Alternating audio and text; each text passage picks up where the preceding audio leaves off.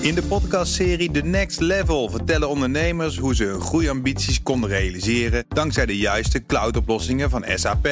Wat waren de uitdagingen, de oplossingen en hoe ging de uiteindelijke implementatie? Benieuwd naar hun verhalen en hoe zij met behulp van SAP ook hun toekomstige ambities kunnen behalen? Luister de podcast The Next Level via de BNR-app of je favoriete podcast-app. Scherp. BNR Nieuwsradio. Eye-openers. Meindert Schut. Kunstmatige intelligentie helpt ons steeds meer bij de automatisering van repetitieve handelingen en het versnellen van ingewikkelde processen. Ook in de chemische laboratoria zien ze kansen. Want wat als we robots het labwerk laten doen?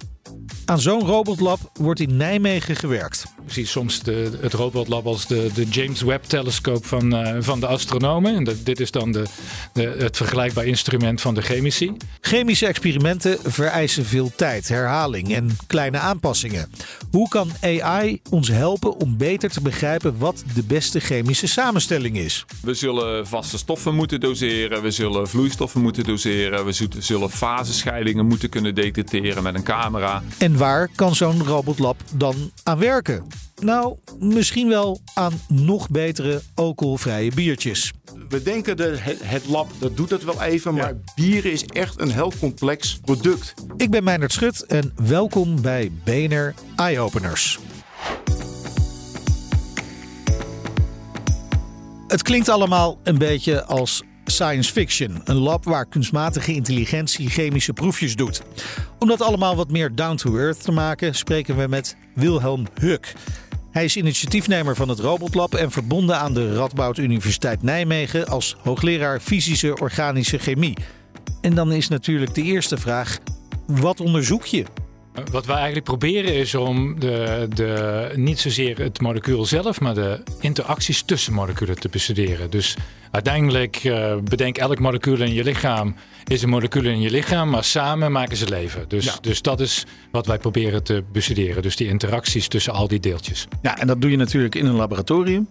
Dat klopt, met allerlei apparaten en een heleboel mensen die eigenlijk uh, heel veel experimenten moeten doen. Maar als je kijkt per dag, dan gaat het eigenlijk best wel langzaam. Dus ja. veel werk en lastige problemen. Ja, en daarom is volgens jou dat lab ook eigenlijk een beetje toe aan vernieuwing. Hè? Uh, je bent bezig met een robotlab. Kun je uitleggen wat zo'n robotlab dan inhoudt?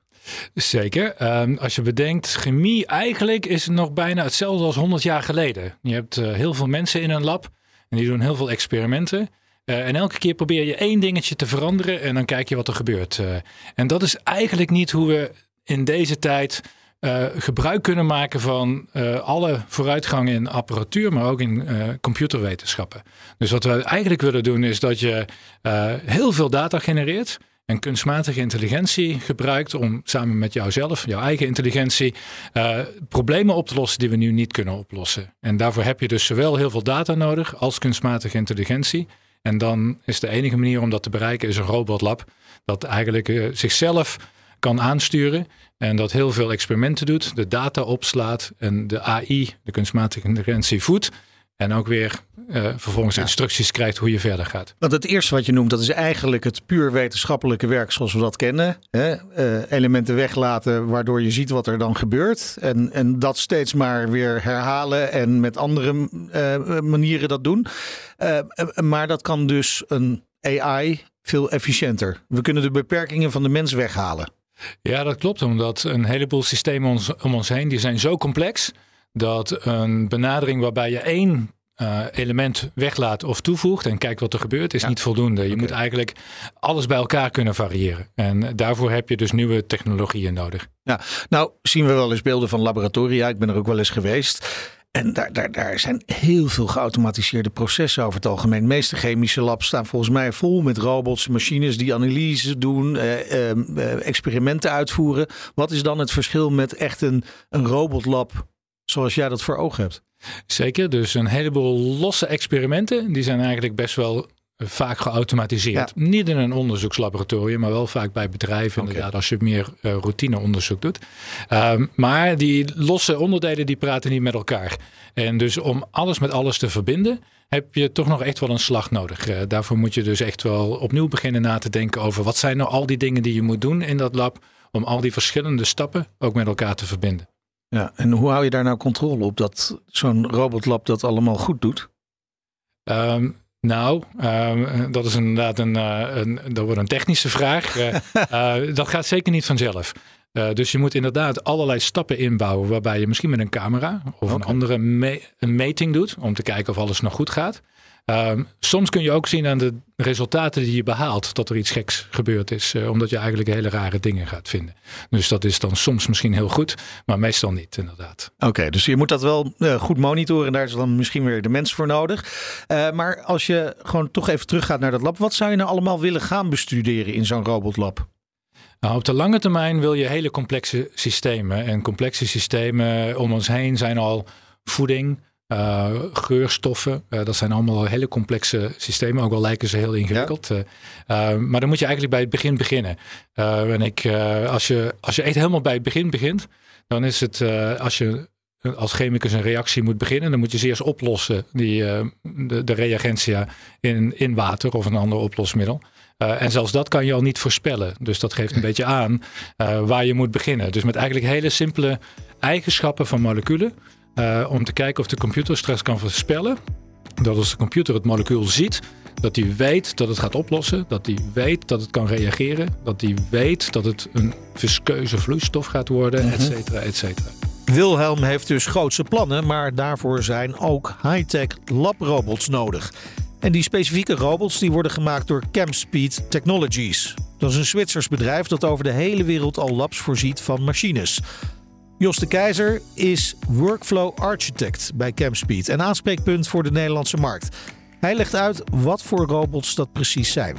Je moet je voorstellen dat het een robot is die in principe een experiment uitvoert. Eh, een laborant doet het dan eh, eentje en een robot die kan er dan bijvoorbeeld uh, 100 doen op de tijd dat een laborant er één doet. Ja, maar het is geen robot die, die lijkt op een mens die de hele tijd heen en weer loopt in het laboratorium. Nee, nee, nee. nee. Het ziet er net even iets anders uit, kan ik me ja, voorstellen. Het is gewoon een uh, rechthoekige box meestal.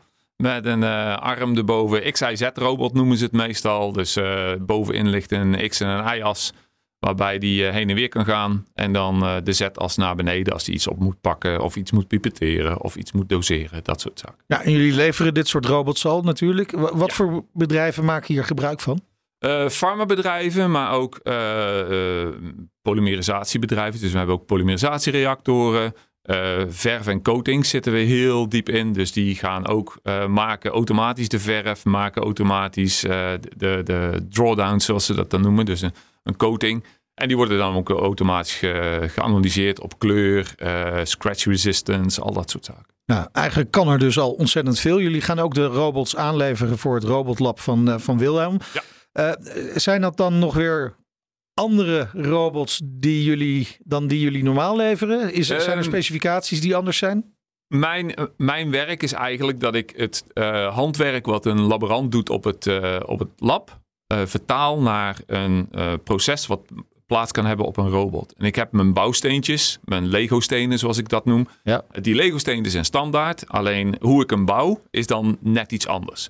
Uh, waar kinderen met Lego-stenen een huis bouwen, een boot bouwen, een auto bouwen, bouw ik een robot die de ene keer voor de farma is, dan voor de petrochemische industrie en dan voor de coatingsindustrie. Ja, dus eigenlijk jouw Lego-instructies zijn elke keer anders? Ja, ja. Met dezelfde blokjes? Ja, met dezelfde blokjes. Meestal met dezelfde blokjes. Oké. Okay, en soms... is het... Uh, ik moet wel zeggen, 59% van, uh, ja, 95% van wat er bij ons uitgaat, uh, heeft wel iets custom erin zitten. Dus dat kan een rek zijn waar speciale vaaltjes in staan. Dat kan een sensor zijn waarbij we iets meten wat nog niet gedaan was. Dus er komt altijd wel iets uh, custom bij kijken. Ja. En dat robotlab wat nu in Nijmegen gaat verschijnen. Wat maakt dat robotlab in jouw ogen zo speciaal in de chemische industrie? Wat ze daar willen gaan doen is heel veel kijken naar uh, uh, fasescheidingen en schuimdingen. Nou, dat zijn dingen die, kun, die kunnen nog niet. Daar, die, de sensoren die we daarvoor gebruiken, dat moeten weer nieuwe sensoren worden die we inbouwen in de, in de robots. Dus het is niet zo dat het allemaal standaard is en dat we het al een keer gebouwd hebben. Er moeten wel dingetjes nog ontwikkeld worden. Oké, maar dat maakt het alleen maar leuker, denk ik. alleen maar leuk. Jos mag dus nog even aan de slag. Maar wat zijn de vraagstukken die dat robotlab kan gaan oplossen? Nou, daar heeft Wilhelm wel een idee bij. Ehm, als je kijkt naar de wetenschap, die pakt ook steeds complexere problemen aan. Eh, en dat gaat dan vaak richting het gebruiken voor bijvoorbeeld van nieuwe bouwstenen, waar je geen fossiele brandstoffen voor nodig hebt. Dus hernieuwbare bouwstenen. Maar je wil eigenlijk wel hetzelfde product. En dat is heel erg lastig, want we hebben nu in het verleden eigenlijk alle producten eh, eigenlijk ontwikkeld voor één bepaalde taak. En die ene taak, dat doen ze heel goed. Uh, maar ik weet niet hoe ik met een algemeen materiaal eenzelfde soort uh, oplossing zou kunnen bereiken. Dus je wil eigenlijk uiteindelijk naar een, naar een systeem waarbij je zegt: ik ga niet kijken naar een molecuul en me optimaliseren voor een functie. Maar ik zeg: ik heb gewoon een functie. Ik moet gewoon eigenschappen hebben. En het maakt me niet uit hoe ik daar kom, als ik er maar kom. Dus het maakt me niet uit met welk startmateriaal ik begin. Ja, en uh, levert dit nou vooral veel meer snelheid op? Of kun je ook echt, echt nieuwe dingen doen die nu in een normaal chemisch lab, zoals we dat nu kennen, eigenlijk niet kunnen?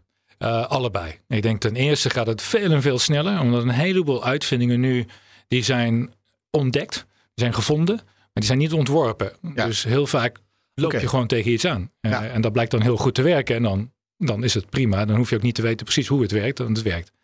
Um, dus, dus het versnelt zeker je onderzoek. Maar er zijn ook een heleboel dingen die we gewoon nu niet kunnen. Die weten we niet hoe we die moeten doen. En dat komt omdat we met onze kennis hebben we, kunnen we niet. Uh, zoals een kunstmatige intelligentie dat wel kan, twintig dingen tegelijkertijd variëren en allemaal bij te houden en weten waar je heen moet. Uh, en, en 24 uur per dag. Uh, en, dat, en dat ook nog eens 24 uur per ja. dag. Ja. Ja, uh, nou is dit niet alleen bedoeld voor onderzoekers. Ik kan me voorstellen dat het waanzinnig interessant is voor onderzoekers. Dat er ook een hele nieuwe wereld voor ze open gaat. Maar uh, ook voor bedrijven. Wa waarom zijn bedrijven nou een belangrijke partner voor zo'n robotlab? Ja, ik denk dat, uh, het is zoals je zegt, het is een, een unieke wetenschappelijk instrument eigenlijk. Uh, uh, maar wij willen dat ook aanbieden aan uh, bedrijven in Nederland en buitenland. omdat wij zien dat daar net die innovatieversnelling belangrijk is. Als je ziet wat er voor problemen op ons afkomen met het uitfaseren van gefluorineerde verbindingen, PFAS. Ja. Ja. Dat mag straks niet meer. Nee. hoe ga je die vervangen? Ja, maar je wil wel dat het eitje gewoon lekker uit je pan glijdt. Uh, ja, en nou een eitje uit je pan is nog één ding. Maar stel dat er ook een uh, vliegtuig uh, de remvloeistof gefluorineerde verbindingen nodig ja. heeft. Dan moet je daar wel een oplossing voor bedenken. dus, dus wij denken dat het belangrijk is om de, op de lange termijn de Nederlandse industrie eigenlijk van een instrument te voorzien. Om de problemen die zij straks hebben met de... Met, vernieuwbare brandstoffen uh, met uh, milieueisen, om die eigenlijk op een versnelde manier te kunnen, kunnen omzeilen. Oké, okay, dus met name industriële bedrijven kan ik me voorstellen dan, die interesse zouden hebben in samenwerking met zo'n robotlab. Ja, ik denk dat je het hebt over bedrijven in de, de coatingindustrie, verf, verf en coating, ja. voedingsmiddelen. Um, ja, ik denk dat dat eigenlijk de, de, grootste, de grootste gebruikers straks zullen zijn. Ja. Een van de bedrijven die als eerste test mogen gaan doen in het robotlab is bierbrouwer Heineken. Want bier, ja, dat is een behoorlijk complexe chemische samenstelling. En we spreken met Erik Brouwer, senior onderzoeker bij Heineken. Hij is verantwoordelijk voor de geur en de smaak van de miljoenen biertjes die Heineken produceert. En die geur, die is essentieel volgens Erik. Men zegt altijd dit biertje smaakt goed. Maar heel veel van de, van de, van de smaak is eigenlijk geur. En ik, ik, geef eigenlijk altijd als voorbeeld, als kind vind je spruitjes niet lekker. Ja. En wat doe je dan om toch de spruitjes te eten? Je doet je neus dicht, want dan proef je het niet. Dus de basissmaken, dat zijn zoet, zuur, zout, ja. uh, bitter en umami. Maar het grootste gedeelte is de geur. En dat is heel belangrijk om die componenten zo te krijgen dat de geur en de smaak eigenlijk zijn zoals je ze wil hebben. En met name voor het alcoholvrij bier is het eigenlijk heel belangrijk om te kijken naar de geur. Ja. Als je kijkt naar alcoholvrij bier, dan zijn er eigenlijk zijn een heleboel processen, maar er zijn er eigenlijk twee die er echt bovenuit steken. De ene dat heet restricted fermentation. Dus daar gebruik je condities waarbij de gist eigenlijk geen alcohol vormt. Dat is één. En de tweede is een volledige fermentatie. Dus je maakt eigenlijk een gewoon bier Ja. met alle alcohol erin. En dan destilleer je de alcohol eruit. Wat is nou het gevolg van deze processen? Onze gist die maakt een heleboel vluchtige verbindingen. Een heleboel verbindingen die fruitig raken bijvoorbeeld. Nou, u kunt wel voorstellen als je een conditie gebruikt waarbij de gist niet of nauwelijks iets doet, heb je die geuren niet. De andere kant, als je dus de geuren wel hebt en je destilleert, is niet alleen de alcohol eruit, maar ook de geuren verdwijnen. Ja, ja. Kortom, je moet met een natuurlijke flavor moet je die geuren weer terugkrijgen. Maar wel in de juiste concentratie. Precies. Die ontwikkeling van eh, alcoholvrije bieren, dat is heel erg moeilijk geweest.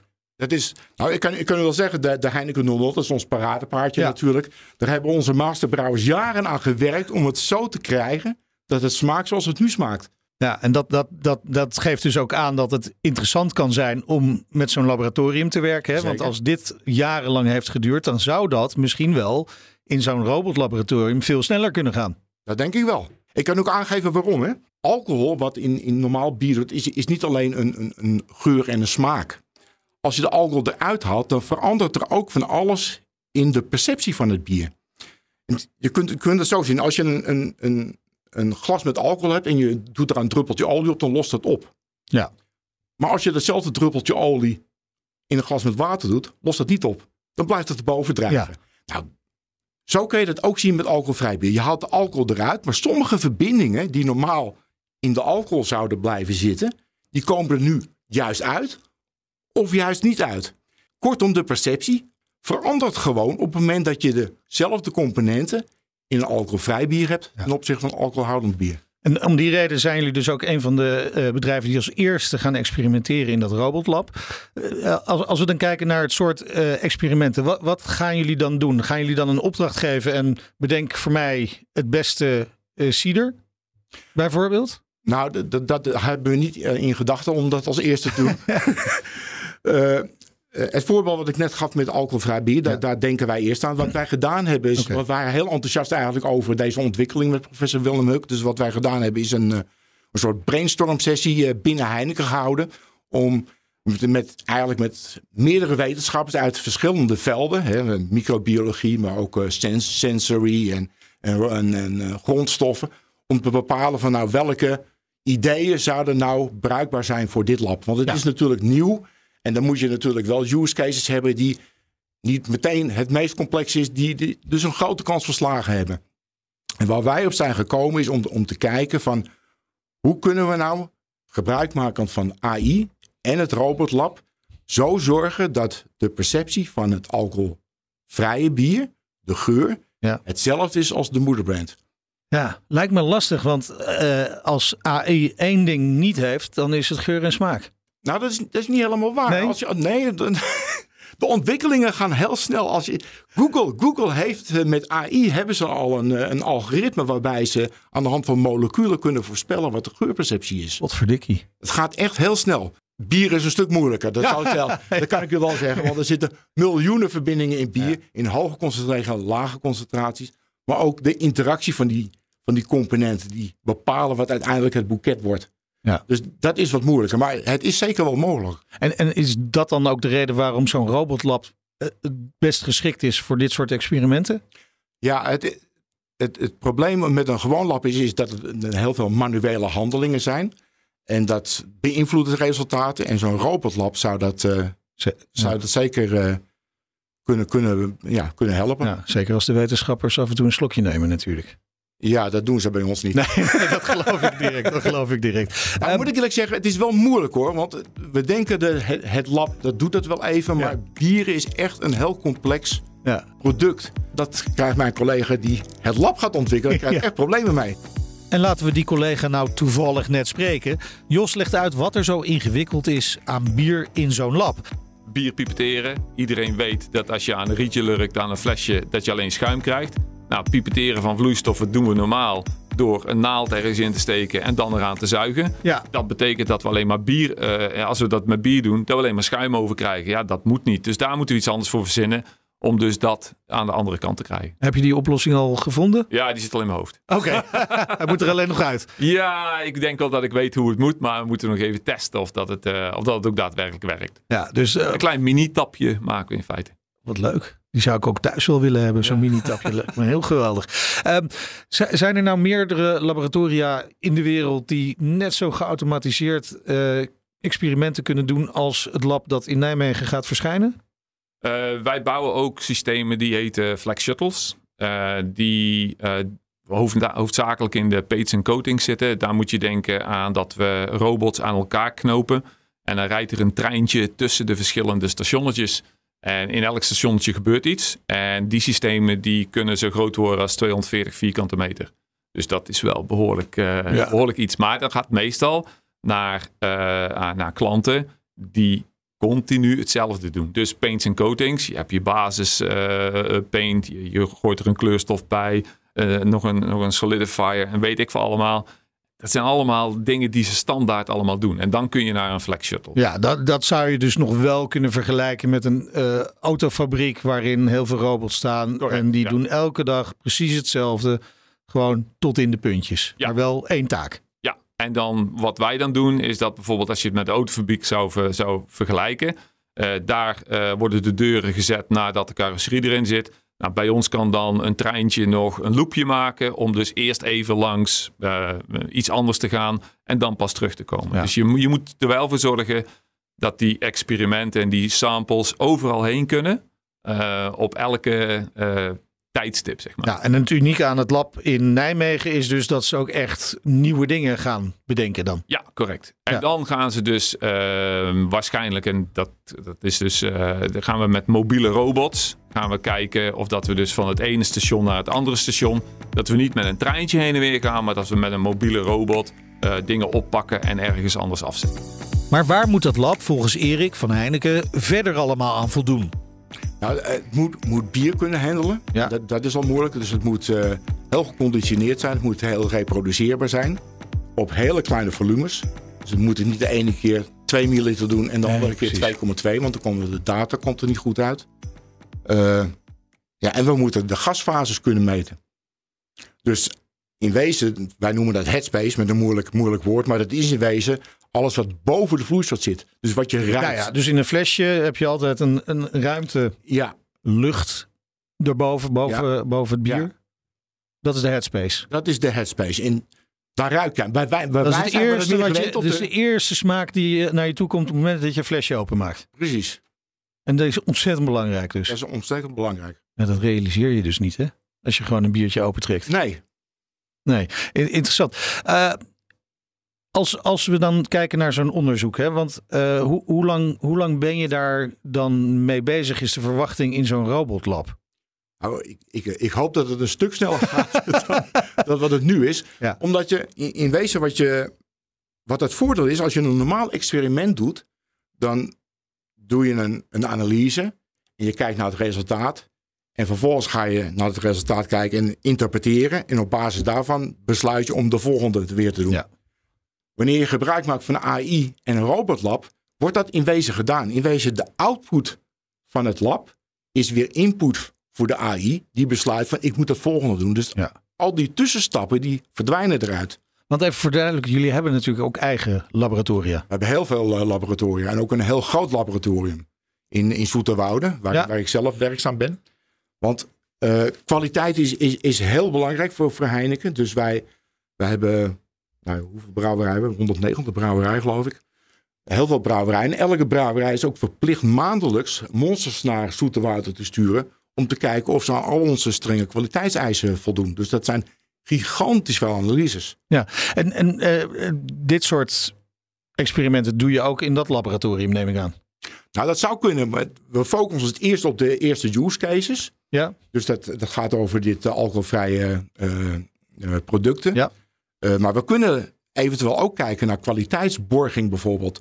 Dat, dat, zou, ja, dat zou een behoorlijke tijdwinst kunnen opleveren. Ja, want, want uiteindelijk, hè, het is allemaal nog experimenteel. Je moet allemaal nog zien of het werkt zoals de verwachting is dat het werkt. Ja. Maar als dat zo is, wa- wat, wat doe je dan uiteindelijk met de resultaten? Eh, Kan het zich dat inderdaad echt heel snel dan ontwikkelen tot een, een nieuw biertje van Heineken? Nou, waar we op hopen natuurlijk is... als AI zeg maar kan voorspellen wat in wezen de geurperceptie zou worden... als je een bepaalde concentratie van een natuurlijke flavor hebt... dan zou je ook zeg maar bij onbekende verbindingen kunnen zeggen van nou op basis van de moleculairstructuur van dit gaat een bepaalde perceptie geven. Ja. En dan win je natuurlijk. Nu is het nog steeds trial and error.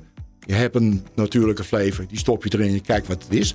Maar dan zouden ze zeg maar een, een hulp kunnen zijn om te bepalen wat je moet gaan toevoegen. Uiteindelijk kan AI dus een echte gamechanger zijn.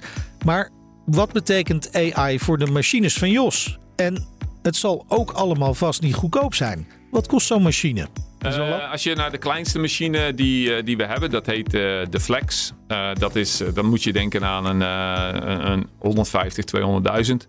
Ga je naar die 240 vierkante meter-achtige dingen, ja, dan moet je aan miljoenen gaan denken inderdaad. Ja. En alles wat er tussenin zit. Alles wat er tussenin zit. Nou maken jullie al meer dan 25 jaar eh, labmachines, hè? Ja. Hoe, hoe is die markt nou in de afgelopen jaren veranderd?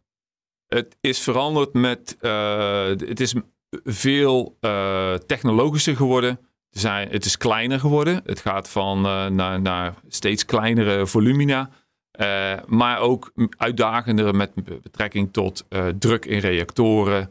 Ehm, ja, dat soort zaken. Eh, verschillende coating, de coatingsindustrie bijvoorbeeld. Waar, en dan kom ik weer op mijn coatingsindustrie. Eh, dat was 25 jaar geleden niet. Vijf jaar geleden was het gewoon eh, A bij B voegen, mixen en kijken wat eruit kwam. Ja. Nu moet je daar een coating van maken. Die coating die moet zo dik zijn, 100 micrometer. De andere coating moet 200 micrometer. Die afstanden die moet je allemaal gewoon goed hebben. Anders gaat het niet. Dus dat soort zaken moeten allemaal uitgevonden worden. Dus zo is die eigenlijk wel steeds eh, ja, vooruit gegaan. Ja, en dan eh, zitten we nu midden in die ontwikkeling van AI, hè, die, die een rol gaat spelen, ook hierin. Eh, op welke manier heeft eh, AI eh, gezorgd voor een revolutie? Of is die bezig met een revolutie in dit werk? Hiervoor was het, eh, dat is een moeilijke term, design of experiments. Waarbij eigenlijk eh, de, de variabelen drie factoren kregen. Dus eh, 1, 0 en min 1. En daartussen kon het variëren. AI gaat er straks voor zorgen dat dat 1, 0 en min 1 niet meer geldt, maar dat die veel breder staan. Eh, je moet het zien dat eh, de, de experimentele ruimte veel groter gaat worden. En de AI die gaat dan zelf bepalen waar dat die waardes gaan liggen. Ja. En, en kun je dan ook makkelijker eh, richten op wat je uiteindelijk eruit wil halen door AI te gebruiken? Dus veel meer eh, gedesigned experimenteren? AI kun je zeggen of je moet je opbrengst maximaliseren of je moet een, en als je selectieve eh, molecuul eh, prefereren. En Ja. dan moet misschien niet de aandacht liggen op de opbrengst, maar meer dat je dat 100% maakt. Dan, anders moet je dat daarna weer gaan scheiden. Dus dat kun je wel een AI-algoritme meegeven. Dat je gaat specialiseren en optimaliseren voor een bepaald iets. Ja. Heeft dat dan ook inderdaad impact op de machines die jullie maken? Moeten jullie die aanpassen? Of is het vooral toevoegen van AI? Het is toevoegen van AI. En, maar AI kan alleen maar draaien als ze getest worden. Als ze een test eh, dataset hebben. En die testdataset, daar gaat het meestal om. Ja. Je moet de, in het begin dom experimenten uit gaan voeren. En kla- klassificeren als goed, slecht, minder goed. En dat moet je de AI-algoritme voeren. Voordat je uiteindelijk een experiment erin gaan, kan gooien en zeggen: Oké, zeg het maar, is dit goed of fout? Het eerste robotlab zal dus beginnen met het trainen van AI. Maar komen er daarna dan nog meer robotlabs? Of is dit lab met zijn getrainde AI straks een alleskunner? Ja, ik denk dat je eigenlijk voor elke toepassing een gespecialiseerd robotlab Toch wel hebt. weer die specialisatie. Ja, dat denk ik wel. Ik, ik, ik zie soms de, het robotlab als de, de James Webb-telescoop van, eh, van de astronomen. En dat, dit is dan de, de, het vergelijkbaar instrument van de chemici. Maar chemie is natuurlijk zo breed. Als jij eh, wil werken aan eh, zeg iets met in, in water, in waterige oplossingen, dan vergt dat toch weer een hele andere set aan, aan robots, aan AI, dan dat je in, in andere oplosmiddelen werkt of bij andere temperaturen. ja. Of als je met polymeren werkt, ten op, polymeren materialen ten opzichte van geurstoffen. Dus ik denk dat je gaat specialiseren in verschillende toepassingsgebieden. Ja, en dan kan het dus nog efficiënter. Als we, als we nou even vergelijken met, eh, dan komen we toch een beetje weer op die snelheid terecht. Eh, vergelijken met een huidig laboratorium waar je bijvoorbeeld zo'n soort opdracht neerlegt, waar ook mensen werken, en zo'n robotlab. Hoeveel sneller kan zo'n experiment dan? Hoe lang duurt dat? Afhankelijk natuurlijk ook wel weer van de vraag die wordt gesteld, kan ik me voorstellen. Ik denk dat dat een hele lastige is. Eh, ehm, ik denk dat je het eh, orders van grootte sneller uiteindelijk hebt. Eh, dus wat nu misschien tien jaar kost, kost je misschien straks binnen een jaar. Maar dat is niet omdat de robots zo snel zijn. Dat heeft echt te maken met het feit dat je de kunstmatige intelligentie kunt gebruiken om heel efficiënt door je mogelijkheden te gaan. Als je bedenkt, de scheikunde is eigenlijk een vakgebied waar je oneindig veel mogelijkheden hebt. Eh, dus niet alleen qua aantal moleculen, maar ook op de manier waarop je ze met elkaar kunt laten reageren Ja. of mengen. Eh, en dan heb je dus ook nog eens een keer concentratie, temperatuur, licht, geen licht. Het, het aantal mogelijkheden is oneindig. En dus zelfs als je oneindig snel bent, dan duurt het nog oneindig lang. Ja, dus, dus het is echt die combinatie van automatische experimenten, ondersteund door die eh, kunstmatige intelligentie, die gaat het verschil maken. En dan kunnen we dus wel, als je dat dus een experiment wat nu tien jaar zou duren, dan in een jaar kunt doen, dan maak je enorme sprongen. Dat denk ik ook. Dus ten eerste eh, is het dan denk ik heel waardevol omdat je veel sneller gaat. Maar ik denk ook dat je oplossingen kunt vinden die je nu gewoon niet kunt vinden. Dus Ja. het heeft eh, twee, twee kanten. Ja, ik noem maar bijvoorbeeld even een andere samenstelling voor een accu.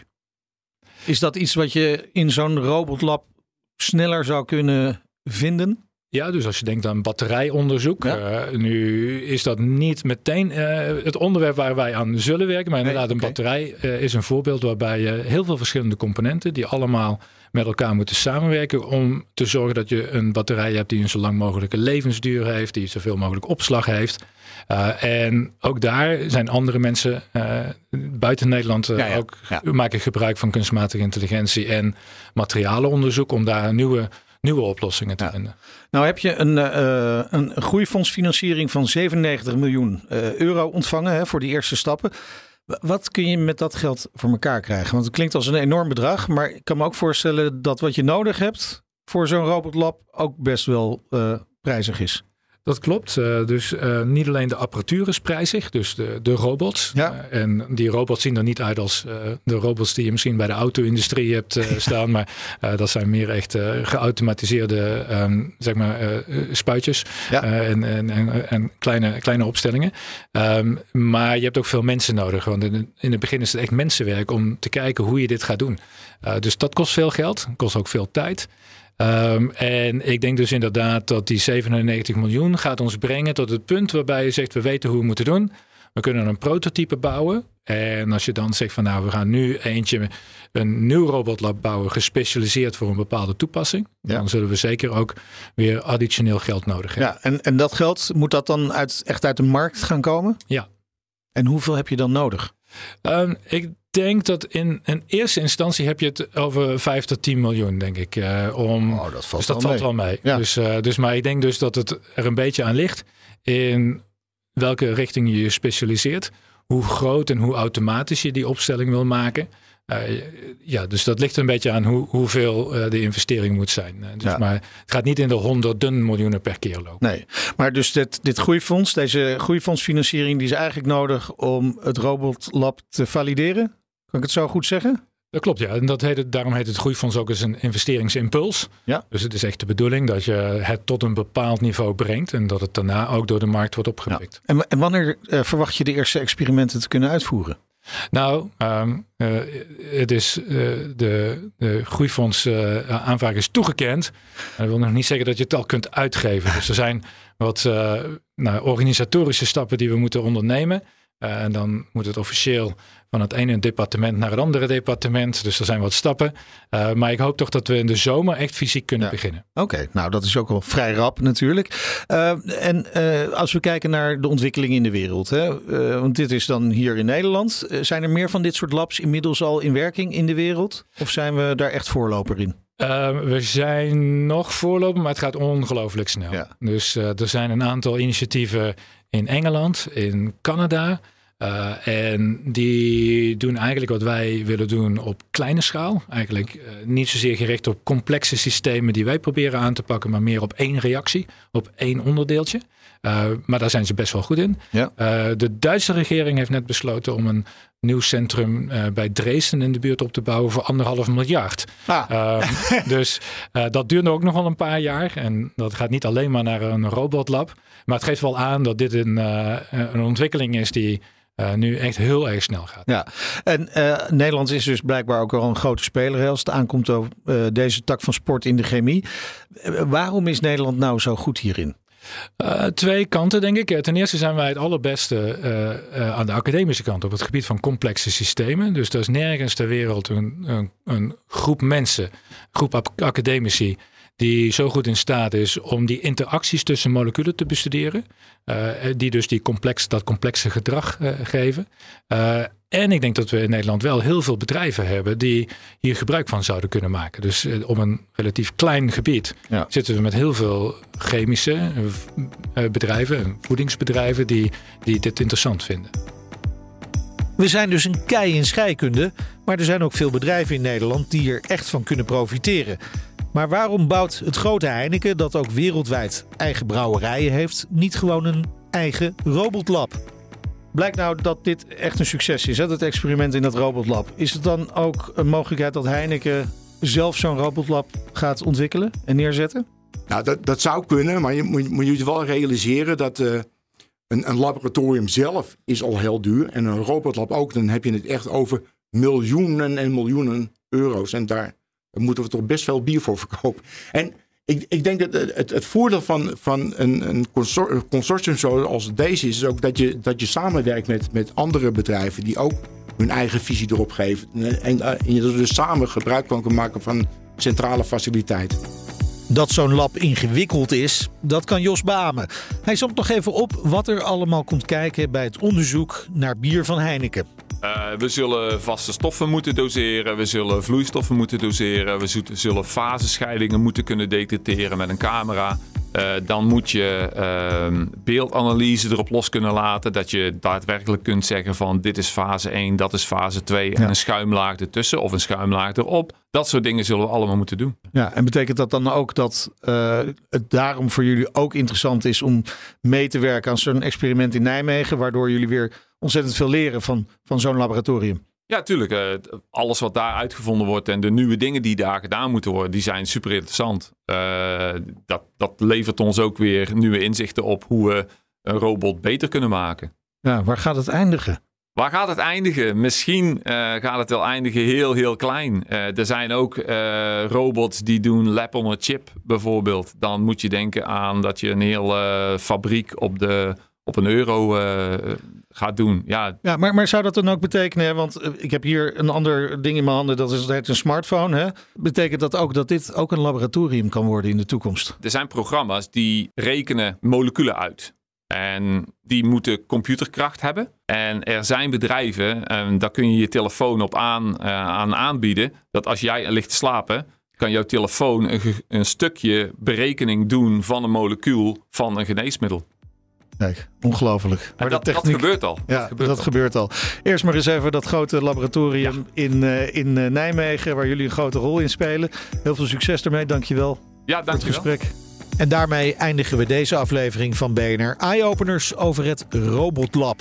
Volgende week is Nina weer terug. Zij gaat dan in gesprek over de circulaire toekomst van product design en fashionproductie. Check die aflevering volgende week bij BNR op de radio of natuurlijk als podcast online.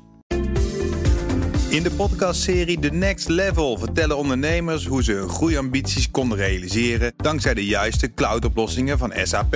Wat waren de uitdagingen, de oplossingen en hoe ging de uiteindelijke implementatie? Benieuwd naar hun verhalen en hoe zij met behulp van SAP ook hun toekomstige ambities kunnen behalen? Luister de podcast The Next Level via de BNR-app of je favoriete podcast-app.